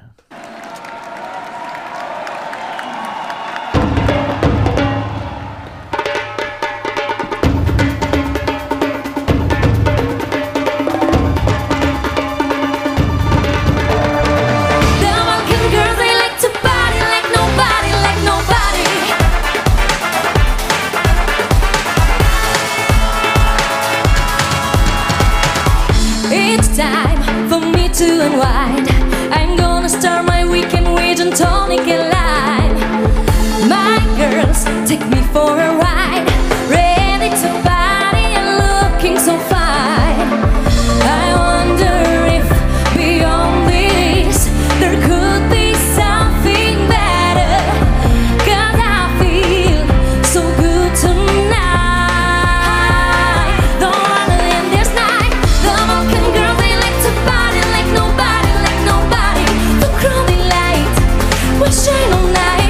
The Balkan girls say like to party, like to party, like nobody. Ja, ik hou ervan. Gezellig. Ik denk die meiden Deze willen was wel ik partyen, helemaal vergeten. ik partyen, zat echt partyen. op een aantal andere momenten. Maar deze was gewoon echt even in, in een verkeerd laadje in mijn Songfestival geschiedenis eh, The brein Balkan verge- girls say like to- verblind. Ik denk, nou, als ik gewoon zeg, die meiden party, gewoon- het is basically een soort, bijna een soort letterlijke vertaling. Ja, ik was, gewoon, ik was een beetje dom. Ik was een beetje heel Waar erg is dom. dit van? Dit Dit is, is eh, dit is letterlijk eh, was- Maxima die het zegt over eh, Wim Lex toen ze net samen gingen trouwen. Oh. Toen ze de verloving aankondigde. Toen was er iets. Toen zei hij, hij was een beetje dom. Hij was een beetje dom. En het zat natuurlijk ook in jouw Oh, favoriete musical. Hema de musical. waar het Hema ook in de zit. musical, daar zit het in. Nou, daar moeten we een keer een podcast over gaan maken. Gewoon, de musical. gewoon een tiendelige serie over de geschiedenis van, en het ontstaan van Hema de musical. Hema de musical, mensen, voor de mensen thuis. Ik dacht, Nou, we hebben het hier vaak over gehad al in ik podcast. dacht, toen ik hierheen ging, echt, dit is, wat is dit? dit wordt, ik ging daar echt cynisch in. Ik ging erheen met het idee... fantastisch. Ik ging erheen met het idee... Dit is alles wat er mis is met de moderne musical. Ja. Ze kunnen over alles tegenwoordig een musical Het was bedenken. fantastisch. Het gaat over Het immigratie. Het gaat over Nederlandse maatschappij. Het gaat ondertussen ook over Maxima, onverwachts. Het gaat over Maxima, die homoseksualiteit. gaat undercover gaat stage lopen bij de HEMA, omdat ze moet inburgen. Nou, ik gil. Het, en natuurlijk het iconische nummer Ik Koningin. Ik weet nog goed, toen ik een jaar of zes, was, zes was. Je moet wel... En Je moet het wel papa zei dat ik zijn prinses... Ja, en dan. Marco, er is van alles gaande in een aantal landen qua Songfestival. Eh, Zoals ik zei, eh, de grote nieuwtjes zijn er wel uit, maar er zijn wat kleinere nieuwtjes waar we het even over willen hebben vandaag. Dat gaan we doen. Want, en daarna natuurlijk nog een beetje Brits. En deze week ook weer een bonusaflevering. Dus eh, ik zeg tijd om eens even te gaan duiken in wat er in al die landen gebeurt. Laten we beginnen met die pre-parties. Want eh, de afgelopen week was natuurlijk Polen was de pre-party. En eh, gisteravond, terwijl we opnemen, was Israel Calling. Wat er aanstaande zaterdag pas wordt uitgezonden. Wat ik denk misschien wel een goed goede keuze is na dat drama van vorig jaar. Kan je dat nog herinneren? Met die presentatrice die zeg maar eh, gewoon allemaal hele rare grappen maakte en mensen aan het beledigen was en messy, messy, messy live uitzendingen. Was die pre-party van Polen dat Blanca alle nummers van dit jaar ging zingen in er eentje? Solo, ja. Oh, ze ging solo. Oké. Ehm, ja, nee. We hebben er even wel. naar wat dingen gekeken van dit jaar. Er zijn een aantal dingen die ons tot nu toe een beetje opvallen, hè? dus die willen we even kort bespreken. Ja. Ehm, laten we beginnen met Denemarken. Ehm, Dit, wacht, dit was de pre-party van Polen, inderdaad. Ja, Ja. we hebben een aantal dingen door elkaar, maar meer, gewoon meer de algemene indrukken die uit Ja. allebei eruit gehaald hebben. Eh, Polen, ja. daar was Denemarken, ja. Hij mag blij zijn dat hij een bandje mee heeft. Ja, was ook niet zo sterk. Nou, niet zo sterk vind ik nog positief. Het was gewoon ellendig. Ja, jij had problemen met de styling van May Muller van de United Kingdom. Oh my god, wat was dat? Wat, wat? Ik wil nu dat mensen dit googlen. Het is zo lelijk. Het is het lelijkste wat ik in jaren heb gezien. en je Wa- kijkt al vier jaar tegen mij aan. Oh my god, gewoon een spijkerbroek, maar echt zo'n s- model dat je denkt, wat, met een soort doekje eroverheen en een crop top. En dit is niet een soort, oh May Muller moet geen crop top. Het was gewoon lelijk. Het was gewoon ongeïnspireerd. Dat was het. Maar ook, dat ze- was Ze het. stond er super flats bij. Het was Ze er is natuurlijk helemaal de week ervoor ziek uit. geweest. Ja, maar ook, dan staan daar dansers om je heen super 120% geven. En zij staat er een soort van, nou, ja, dat oh, eh, nee. En vocaal is het ook Ellendig. Kijk, ze is natuurlijk nog, Het aan is het, ellendig. ze is nog aan het herstellen van een keelontsteking. Maar Maar dan zeg je, dan begin je gewoon met mensen, ik ben nog ziek, we doen het bandje aan. Ja. Eh, Dit is wat jullie krijgen. Dan zeg je dat gewoon. Dan ga je niet proberen, want dan moet je gewoon, dat is gewoon hoe je het oplost dan. Zeg jongens, ik ben nog niet bij stem, ik wilde hier wel heel graag zijn, dus we doen de versie met het bandje. Niemand vindt het dan Eens. erg. Eens, eens, eens, eens, eens. Eh, trouwens, er was nog gedoe deze week om May Muller heen. Dat was trouwens nog hysterisch om mee te maken. Had er buurman problemen? Nee, wat was er? Deze vrouw heeft in 2019, als ik het goed heb, eh, eh, wat tweets verstuurd. Hè, natuurlijk, er was gewoon Oh ja, allemaal gedoe rondom hun premier toen en COVID en dat soort dingen. En toen had ze er een tweet uitgestuurd met: Wat is onze premier een lul? Eh, beter dat we bij de komende verkiezingen gewoon even allemaal op links stemmen. En dan, komt, dan zijn, we van die, zijn we in ieder geval van deze rechtse idioten af. Mhm. Nou, die tweet die werd natuurlijk nu gevonden door een of andere rechtse Songfestival-fan. Ja. Die bestaan, schijnbaar. Hoe nieuw? Met alle waarden van inclusiviteit en eh, Europa. Je en kan ook rechts en dingen. inclusief zijn, hè? D- deze meid niet. Je kan ook rechts en, en, en zeg maar progressief zijn. Je hebt ook rechts-progressief. Nou, dit is extreem rechts, deze man. Deze man is ook echt... eh, Dus maar gewoon rechtsconservatief dan. Hij staat ook bekend om zijn rare waarden binnen het Songfestival Twitter fandom, anyhow. Want je hebt natuurlijk rechts, links, progressief en Ja, conservatief. Het is een kruisje. Eh, Ja, ik snap het. Maar ehm, dat werd dus één grote rel. Want de, de rechtse tabloids hebben het ook weer opgepakt in. En toen was het van ja, en je moet apolitiek zijn als je meedoet aan het Songfestival en dat soort dingen. Nou, vriendin, laat me eens even vertellen. Je- jouw nummer en jouw inzending Ja. moeten apolitiek zijn. Jij Jij, niet. hoeft niet... En zij wist in 2019 echt niet dat ze mee ging doen. En op dat moment werden ze nog steeds elke keer laatste met, eh, met de UK. Dus die meid had echt niet het idee van... oh, ik ga ooit mee naar het Songfestival. Laat me op mijn tweets letten. Echt. Uiteindelijk hebben de Songfestival-fans en ook alle de meeste, het grootste deel van de Britten... hebben dit lekker links laten liggen, pun intended. En eh waait het wel weer over. Maar het was echt weer zo'n lekkere storm in een glas water... met de Britse tabloids, wat dat betreft. Gingen we door naar Israël. Daar trad natuurlijk ook onze grote vriendin Blanca van Polen op. Ja, nu zijn we bij de pre-party van Israël en daar trad weer Polen op. Ja, even Ja. voor de duidelijkheid. Ja, je hoort haar niet eens. Bij haar hoorde je dus het bandje, maar van wat je van haar hoorde dacht ik, oh, meisje. Ja, jij vindt ook haar stem irritant? Ik vind haar scheidirritant. Nee, niet haar persoonlijk, want ik ken haar natuurlijk niet. Maar ik bedoel, haar stem, bij alles denk ik, oh. Nou, nou, nou, nou, nou. Ja, Ja, mijn, eh, de- mijn smaak is het ook niet helemaal, eh, wat dat betreft. Spanje vonden we ijzersterk met Oh, een nieuw intro, Blanca goed. Paloma. Eh, jij ik was vind het fijn dat ze die act eventjes gewoon... Ik bedoel, die kon ze waarschijnlijk niet meenemen. Ze was gewoon in een prachtig mooie witte, eh, traditionele, zeg maar traditionele jurk, maar dan in het wit. Ja. Eh, terwijl wit helemaal niet zo sterk voorkomt in het kleurenpalet, normaal in traditionele kleding. Dus dat is voor... eh, kijk, wij zien misschien een soort grote witte jurk, meer een soort trouwjurk. Maar in Spanje wordt heel vaak zwart, echt daar ook zwart en rood zijn daar echt soort de traditionele kleuren. Ehm, dus dat zij wit aan heeft in die traditionele outfit is daar juist heel vooruitstrevend, zeg maar. En ik vond het prachtig. Vooral nadat we Polen keken, dacht ik, wauw, kijk, zo zing je. Ja, dat ben ik zeker met je eens. Ja, ik vind het gewoon ijzersterk wat er gebeurt. Eh, Slovenië wordt echt een energiebommetje. Eh, Die gasten van Joker Out, die trouwens deze week ook een Engels versie van hun nummer uitbrachten. eh was ik heel, heel blij mee. Want volgens mij gaan ze gewoon een Sloveense versie leuk. doen. Heel Zij zijn leuk. echt een beetje de gangmakers van dit maar jaar. ook gewoon worden. zo, oh, het is Songfestival, wij gaan optreden, we doen een glitter outfit. Nee, dit gewoon- is Ierland. Oh, dat was Ierland, sorry. Ik haal het nu inderdaad even door elkaar. Maar dit is ook... zoveel bands dit Ja. jaar. Nou ja, Slovenië is echt gewoon een, een energiebommetje wat dat Ja. betreft. Zijn ook, ook gewoon heel erg lekker bezig. Ook, eh, ze zaten natuurlijk, eh, dit was natuurlijk, ehm, de dag ervoor was Polen. Dus ze zaten met z'n allen op het vliegtuig naar Israël toe. Hoe leuk. Ehm, was er echt wel een soort van, zeg maar, ze zijn een beetje de gangmaker van dit jaar. Merk je wel heel erg bij Joker Out. Luke Black werden we heel blij Oh. van. Vocaal erg sterk. Ik vond zijn outfit een beetje...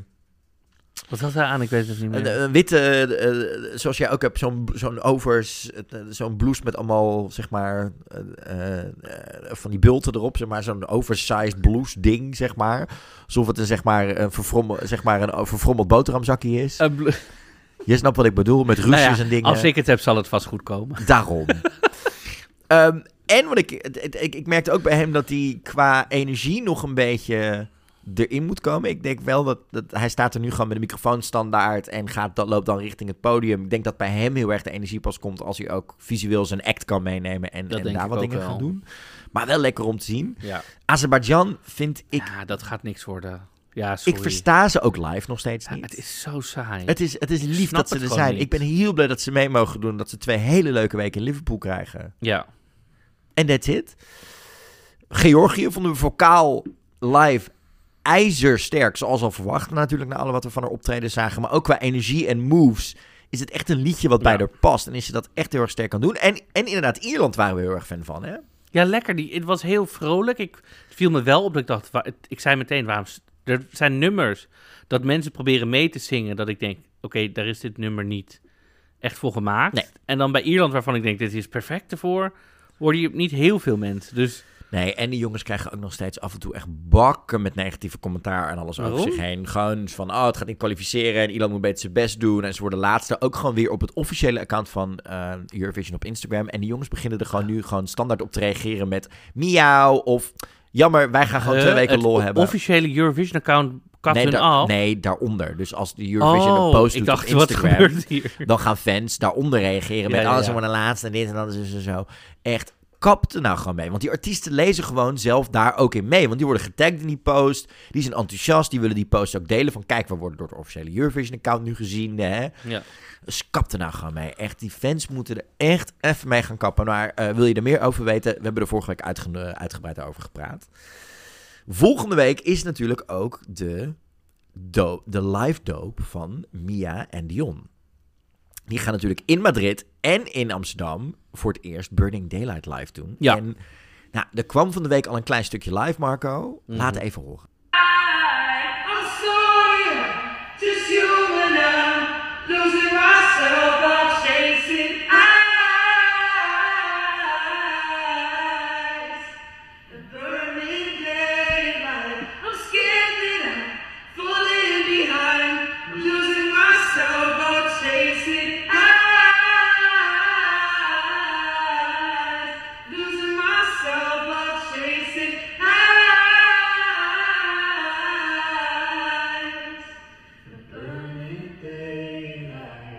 Hey.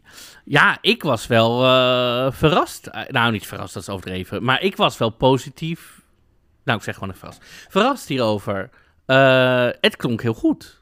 Nee, niet dat ik verwachtte dat ze niet goed zouden klinken. Maar ik dacht wel... Oh ja, dit komt beet, in mijn optiek beter over dan in de, de track, zeg maar.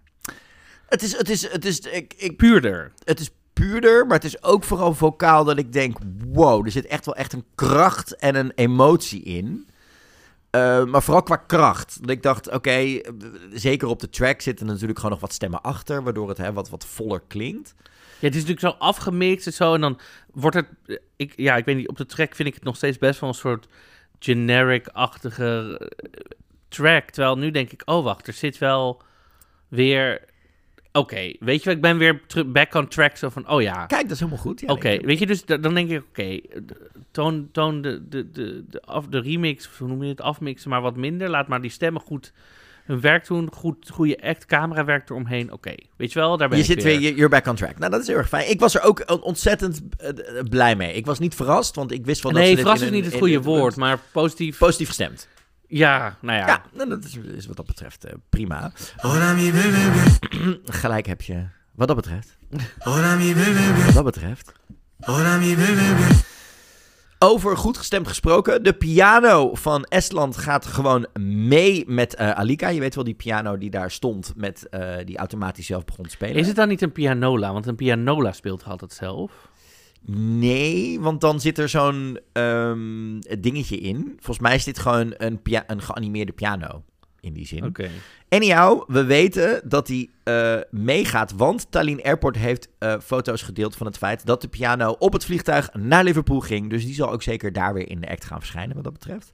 Het budget voor Griekenland is bekendgemaakt. Vorige week hadden we het al over welk land was dat nou ook alweer. Ehm, Ja, wie had ook weer zijn budget online gezet? Was het Spanje? Nee, het was niet Spanje. zoek, het even, zoek jij het even op. Zal ik je ondertussen het budget even vertellen? Engeland. wat er eh, in ieder geval in Griekenland gaat gebeuren. Want in Griekenland eh, gaan ze 277.000 euro uitgeven aan de staging, accommodatie en dat soort dingen. Kost het 150.000 euro voor het land om mee te doen. En kost het 12.000 euro, Marco. Mhm. om een commentaarbooth te huren. Hoeveel kost het om een commentaarbuurt te huren? 12.000 euro. Om dat hockey. Omdat hockey... En wat kost het om een container buiten te zetten? Ja, geen idee. maar voor, voor ons Cornat en Jan zal de Afrotros dus ook 12.000 euro betalen. En kost het, en kost het dus 150.000 euro om mee te doen aan het Songfestival. Wat wel natuurlijk wel interessante bedragen zijn om ook gewoon een keer te ik kan het even niet vinden in ons vorige draaiboek wat het was. Maar goed, eh, Er was een land waar we volgens, mij ook rond dezelfde kosten uitkwam. eh, in ieder geval qua dat soort dingen. Dus eh, ja, interessant om te zien. Daarnaast ehm, kwam er een interessant nieuwtje. En Marco, dit ga ik je gewoon even voorschotelen. Eh, een van onze meest besproken inzendingen tot nu toe, omdat we het er veel van vinden, neemt vier dansers mee. En dan heb ik het over Zwitserland. vier dansers met water pistols. Nee, hoe heet het? Water, Watergardens. water Ik vrees hier echt Dat voor je een moderne dans krijgt. moderne dans. Met witte outfits, denk je? Zo van die witte linnen broeken en dan zo... Dat was wel mijn eerste angst toen ik dit zag. Toen dacht ik, oh nee, oh nee. Trouwens, wel twee dansers. ehm eh, Lovisa, die ze, ze deed, danste mee voor Eleni Ferreira in 2018. En eh, Tamta, die natuurlijk in 2019 voor Cyprus ging. Die, eh, daar zat Kenny in en die gaan dit jaar ook mee. Dus het zijn wel energieke, goede dansers. Oh ja, en Marco doet ook mee. Marco Wielborg, niet jij. Oh shit. Sorry, je auditie was niet goed genoeg. Ze hadden nog Ik gemaild. had ook alleen digitaal aangevraagd. Ja. Meine Güte. maar ja, vier dansers bij Watergun. Ik vermoed dat... Oeh, ik vind hier dingen van. Mag ik dat eerlijk zeggen? Nee, je doet het al de hele tijd, dus zeg het lekker. Nou ja, ik vind dit gewoon... Ik denk, oeh, dit is misschien niet helemaal handig. Eh, nou, zoals ik al zei, Slovenië heeft een Engelstalige versie uitgebracht van Carpe Diem. Zullen we even een klein stukje ervan eh, laten horen? Ja, dat is goed. Simply until the stars fade. Across the sky, we're writing our names. Got no regrets, we want it all. Running out of words, silence hurts, truth is thin as ice. Time to escape all the drama. They're looking for a fight, every night it's written in their eyes. There's no escaping the karma. You won't catch me, don't you know? No, because I'll take it all. We should be taking back control. Love against your hate. Don't you count on us to let you win today. Today, we'll dance and play until the stars fade. Hey. Lekker, lekker toch, dit? Ja, lekker. Het was al lekker, maar het is nu, je weet, oh, dit zingen ze. Ja, maar ze gaan nog steeds gewoon met de Sloveense versie naar het Songfestival. Daar ben ik heel blij mee. Maar ik denk dat dit ook een hele slimme zet is. Want met deze versie kunnen ze natuurlijk direct naar de radio op, wat dat betreft. Ja, sowieso. Dus heel erg slim gedaan van de jongens. Goed nieuws, ook de drie minuten versie van eh Due Vite is er, van Marco Mengoni. Die, eh, ja, er is niet heel veel aan veranderd. Ehm, er zijn gewoon wat dingetjes uitgehaald. Eh, precies eigenlijk de, de, de, knipjes gemaakt zoals Songfestival fans al verwachten. Want de versie die natuurlijk in Sanremo zat was 3 minuten 46. En deze versie is gewoon krap 3 minuten. Dus ik denk dat we hem ook niet hoeven laten horen. Ik denk dat je deze gewoon even op YouTube moet gaan opzoeken. En dan komt het goed. Dat waren eigenlijk de nieuwtjes op één na. Want hier wil ik nog wel heel even met je over praten, Marco Dreyer. Oké. Er is namelijk nieuws bekendgemaakt over Georgië. Over de act natuurlijk van... Iru. Oké, dat gaan we nog een keer doen. Er is nieuws bekendgemaakt over naam de inzending van Georgië. Iru gaat natuurlijk die kant op. Met maar Echo. de arti artist... wat een woord. De artistic director daarvoor is ook bekendgemaakt. En dat is Marvin Dietman. Die man, die kennen we natuurlijk al. Want hij was de deputy contest producer en de head of the viewing room in 2019 in Israël. Maar hij heeft bijvoorbeeld ook eh, eh, Conchita de performance gedaan. Maar nu komt het. Deze man gaat dit jaar 10 voor 10 inzendingen de creative director zijn. Onder andere Armenië, Oostenrijk, Georgië dus, Duitsland, de UK en Cyprus. 10 van de 37, dat is meer dan een kwart van de inzendingen, worden door dezelfde creatief directeur gedaan. Dit zien we natuurlijk de laatste jaren meer gebeuren. Sascha, eh, Sascha Jean-Baptiste is er ook zo'n Mhm. eh, eh, iemand die dat vaker doet. We zagen dat in Rotterdam, waarin ze onder andere Cyprus met Destiny deed, maar ook Jon Steers natuurlijk, met Tout l'Univers.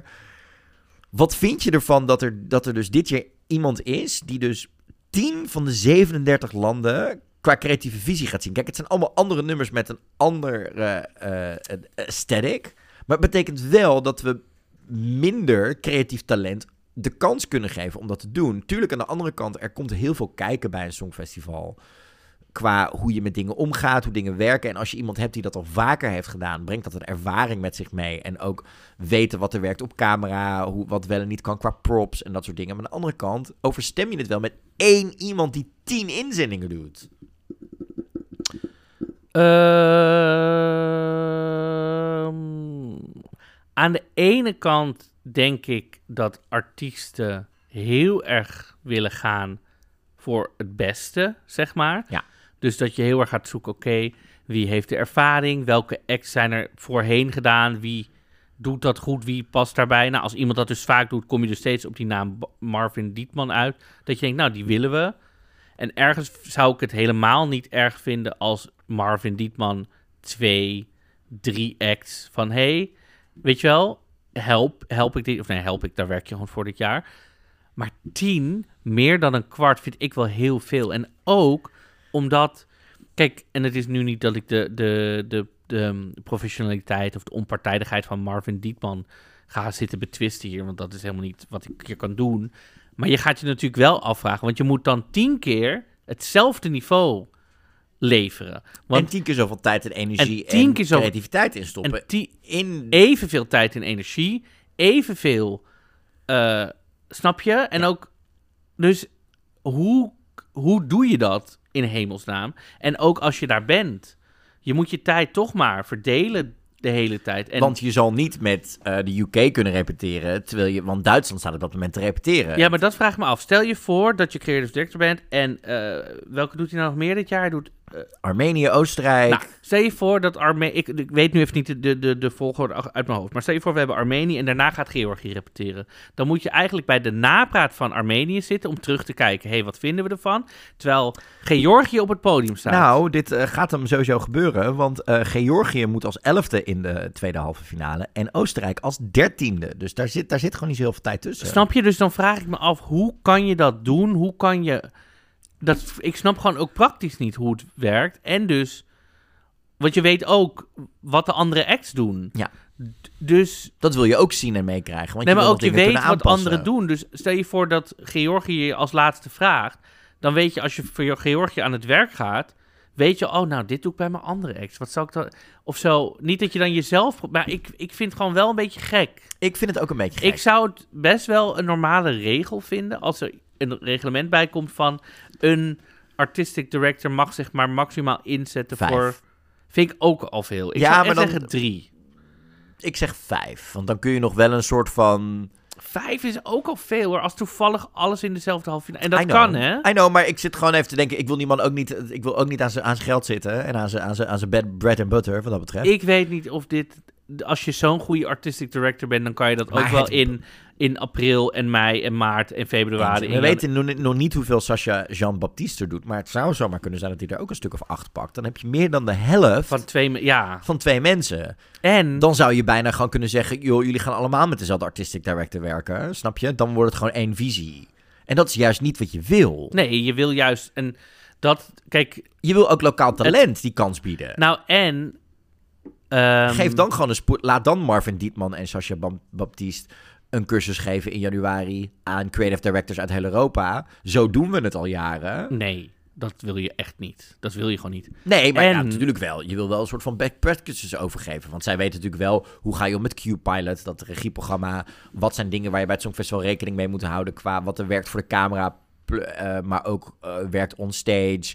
Wat moet je doen met artiesten die misschien zelf minder choreo-ervaring hebben? Hoe ga je daarmee om? Daar zou je best een back practices cursus kunnen geven Nee, aan, aan nieuw talent uit al die landen. Waarom niet? nee, dat kunnen ze gewoon zelf uitvogelen. Zijn die mensen echt getalenteerd genoeg voor?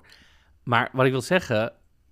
En wat je dan ook krijgt, is dat er gaat dan een bepaalde handtekening komt op het Songfestival te staan. Mensen gaan wennen aan een bepaalde stijl en energie en en soort act, zeg maar. Eens. Dus wat je dan over de loop van de jaren krijgt, is dat mensen denken: oké, wat is goed? Oh, dat is deze handtekening.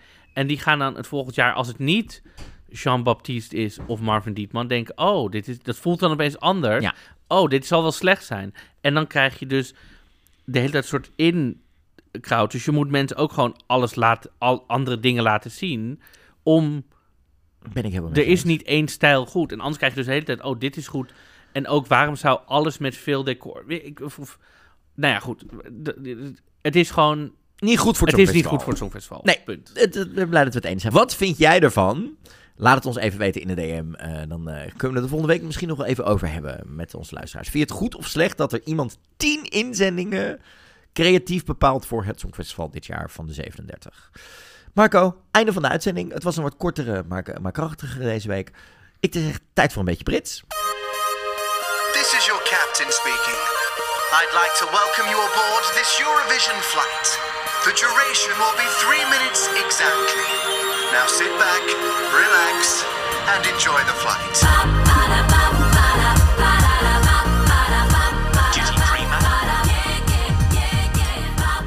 Ja, want ondertussen is ook bekendgemaakt wat de tickets gaan kosten voor Eurovillage voor de finale. En hier was natuurlijk wel weer wat rumoer om van de week, want die gaan 15 pond kosten. Dat heeft ermee te maken eh, met meerdere redenen natuurlijk. Hè. De rest van de week van Eurovillage uh, van 5 tot en met 12 mei gaat gewoon vrij zijn qua, eh, in ieder geval qua kosten. En dat is altijd toch zo? Het is altijd al gratis geweest. De reden dat het 15 pond gaat kosten voor de finale is omdat het op de pier is met 25.000 mensen. En er zijn de afgelopen jaar, eh, afgelopen jaar zijn er een aantal veiligheidsincidenten geweest rondom concerten in Engeland, waarbij ook echt doden zijn gevallen. Omdat er ehm, te weinig beveiliging was, eh, of omdat er mensen naar binnen gesneakt waren, waardoor er meer mensen binnen waren dan eh, ehm, ehm, mogelijk wa- dan de capaciteit voorschreef en dat soort dingen. Vandaar dat ze hebben besloten om de tickets 15 pond te maken. Wat waarschijnlijk ermee te maken heeft. Dit is een, voor mijn aanname. Eh, er zit altijd een soort psychologie in dit soort dingen. Hè? Dat als je de tickets bijvoorbeeld maar 5 pond zou maken, is dat een bedrag wat mensen te verwaarlozen vinden. Dus wat je dan zou kunnen krijgen is dat, nou, je kent het ook, je hebt zelf ook als evenement georganiseerd, dat er dan een gedeelte niet komt opdagen. Je hebt altijd een gedeelte no-show vanwege ziekte, andere redenen, dat soort dingen. Maar als je de tickets te laag maakt qua prijs, wordt de drempel om te gaan lager. Dus betekent dat dat als je de tickets 2, 3 pond had gemaakt, dat mensen niet komen opdagen omdat ze denken, oh, die 4 pond, dat zal wel. Ik ga toch wel thuis kijken. En heb je straks een half leeg Eurovillage. Terwijl er gewoon wel mensen hadden kunnen zijn die het wel te kunnen doen. Dus vandaar dat ik denk dat het 15 pond geworden is. Eh, tickets gaan eh, waarschijnlijk over een week of twee in de verkoop. Dus eh, ja, dat wordt een heel erg tof dingetje. Maar wat ik vandaag even wilde highlighten, waren twee andere dingen. Want onze vrienden van Aussie Vision hebben een heel tof... ehm, document gemaakt vol met attracties en dingen die je kunt gaan bezoeken tijdens het Songfestival in Liverpool. Zoals de Royal Albert Dock, de British Music Experience Museum is er, de Baltic Market en nog veel meer. En onder andere Matthew Street en de kathedraal en wat er allemaal in de buurt te doen is. En er was ook nog vanuit Pete, eh, dat is Pete Turnton, die is eh Songfestival fan en die komt uit de buurt van Liverpool. Die heeft op Twitter een heel draadje gemaakt met allemaal leuke cafeetjes en dat soort dingen in de buurt van Eurovillage en Euroclub Marco. Daar gaan we echt, wat dat betreft, een gigantisch voordeel uithalen. Je hebt onder andere Ride. Dat is voor de helft een ehm, bike repair shop, maar ook een cafeetje waar, waar je ontzettend lekker kunt eten. Je hebt eh, de grootste Ierse pub van Londen, of van Liverpool, namelijk Punch Charmies. En een gigantische arcade daarnaast zitten. Waar wij dus gewoon lekker, eh, zeg maar, als we een beetje gefrustreerd raken, gewoon lekker op wat van die gameapparaten aan de bak kunnen. Nou, je hebt natuurlijk ook Camp and Furnace, wat natuurlijk eh, dit jaar de grote Euroclub gaan zijn. Je hebt ook eh, Jamaica Street, waar onder andere de beste koffie van Liverpool te vinden is bij 92 Degrees. En nu komt het. Ik hou zo van de namen van barren in Engeland. Maar dit is misschien wel mijn favoriet. Want er zit dus ook gewoon een gezellig barretje naast de Baltic Hotel. En die bar die heet Duck and Swagger. Duck and Swagger. Ja, Duck and Swagger. En die wordt omgetoverd naar Dick and Swagger. Geen idee. Of Walk That Fucking Duck. Ehm, We hebben ook nog Love Lane, we hebben nog veel meer. Ik wilde dit even met je delen vanwege het feit dat er dus veel te doen is, ook qua eten en drinken. En dit is iets waar onze luisteraars nog wel een aantal keer naar op zoek waren. Dus ik dacht, dit draadje zetten we even in de show notes. Ga ik ervoor zorgen. Een draadje van Piet Turnton 85 op, eh, op Twitter. Hier staan allemaal tips in wat dat betreft. Dus die moeten we zeker even meenemen. mhm. Er was nog meer hè Marco, want we hadden de inbox natuurlijk nog even. Ja, we hebben natuurlijk de inbox, we hebben een paar kleine berichtjes. Eh, allereerst wil ik beginnen met een berichtje van Tijn Smit. Die vraagt, en dit gaan we waarschijnlijk in de volgende aflevering, want dit gaan we een keer bespreken. Hey, zijn jullie eigenlijk lid van de OGAE? Waarom wel niet? Een soort voor's en tegens. Dit kunnen we wel een keer even. Laten we dit volgende week bespreken. Dit Laten kunnen we even eventjes gewoon, dus die houden we eventjes voor volgende week. Dan hebben we volgens Edwin Kroos, die zegt... Soendos en grappig in één zin, dat kan niet. Ik ga het nu zeggen. Edwin, Edwin. Soendos is hysterisch en hilarisch. Ik, En grappig. zo grappig. Ik vind haar echt Dit is, zo... dit is, dit is geen, dit is geen discussie, discussiebaar feit. Dit is gewoon een feit. Ja. Sarah had ook nog een bericht gestuurd. Oh, er was ook nog iets anders wat Edwin zei. Die zei ook, waarom vraag ik niet in euro? Elke keer als GJ wat dat betreft zegt, dan zitten we na één aflevering al in Liverpool. Ik eh, had de feedback meegekregen wat dat betreft. Ehm, deze was bewust. You're welcome. Ehm, Sarah had een berichtje gestuurd met een lijstje eh, natuurlijk, want haar eh, eh, basisschoolklas die raten natuurlijk alle Songfestivalnummers. Vanwege de Ramadan zijn er minder kinderen die meedoen met de Eurovision momenten, wat natuurlijk wel een beetje logisch is. Maar dat is wel te zien in de cijfers, die zijn ineens wat positiever. Maar hier komen ze Marco. Kroatië krijgt een 4,3 met hun tractoren. Slovenië krijgt een 5,1, wat ik voor zo'n eclectisch nummer van Luke Black nog wel best wel lekker vind. Moldavië een 5,4. IJsland krijgt een 6,8. Zwitserland krijgt een 6,9 en Meteor.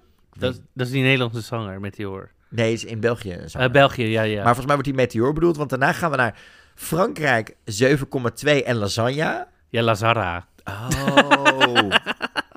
ik snap hem al. En eh Verenigd Koninkrijk krijgt een 7,2, dus dat gaat wel Maar lekker. Sarah, heb je ze dan wel de live versie laten? Het-. Maarten, die had nog een mama appelsapje gevonden voor de Angela Peristeri Award van dit jaar. Die hoort in het eh, refrein van My Sister's Crown, Corona voor jou. Corona voor jou. Ja, dat hoor je. Maar In corona is natuurlijk kroon in, eh, ja. Die hadden we er ook nog bij. En onze Tom had nog even, je weet wel, die heeft een vriend, Vriend in in Denemarken. Denemarken. Die had nog even een voice message gestuurd. Ja, hallo, met Tom, je weet wel, die met een vriend in Denemarken. Ehm, we zijn nu diep in het seizoen. Weet je, de, eh, alle nationale finales zijn voorbij. eh, alle drama's daar liggen achter ons. En ik merk bij mezelf, weet je, ik ga de nummers anders luisteren en anders waarderen. En ik denk niet meer zo na over, goh, als ehm, Polen Jan had gestuurd, was het veel beter geworden. Was het namelijk niet. Maar je, je gaat de nummers zoals ze zijn omarmen. En van ze houden. En ik merk dus bij mezelf ehm, dat een aantal nummers flink aan het stijgen zijn. En dan mijn grootste stijger van de afgelopen weken is Tutto Tutto, Litouwen. Echt love deze vrouw. En eh, alle huismoeders in Europa gaan dat denk ik ook doen. Dus ik vroeg me af, welke nummers zijn de afgelopen weken bij jullie het hardst gestegen in jullie rankings? Nou, ik hoor het graag en ik kijk uit naar de aflevering. Groetjes. Eh, Marco jij mag beginnen. Oké, welk nummer is bij mij... Ik moet, eventjes, ik moet het even voor me halen, hoor. Want ik... Dat eh, eh, snap ik heel erg goed. Ik, ik- eh, zal ik een voorzetje doen? ja, doe jij even. Wat, De dingen die bij mij heel erg eh, meer zijn blijven hangen en zijn gestegen qua wat ik er persoonlijk, waar ik heel erg blij van word, zijn vooral ehm, Slovenië. Wat ik gewoon een beetje in de middenmoot had zitten. Ik vond het wel goed, maar het was niet heel erg uit, ehm, eh, uiteenlopend of echt een uitgesproken nummer. Dus Slovenië is bij mij er eentje die best wel omhoog gaat wat dat betreft. Ik begin toch steeds meer fan te worden van Oostenrijk, moet ik je eerlijk zeggen. Mhm.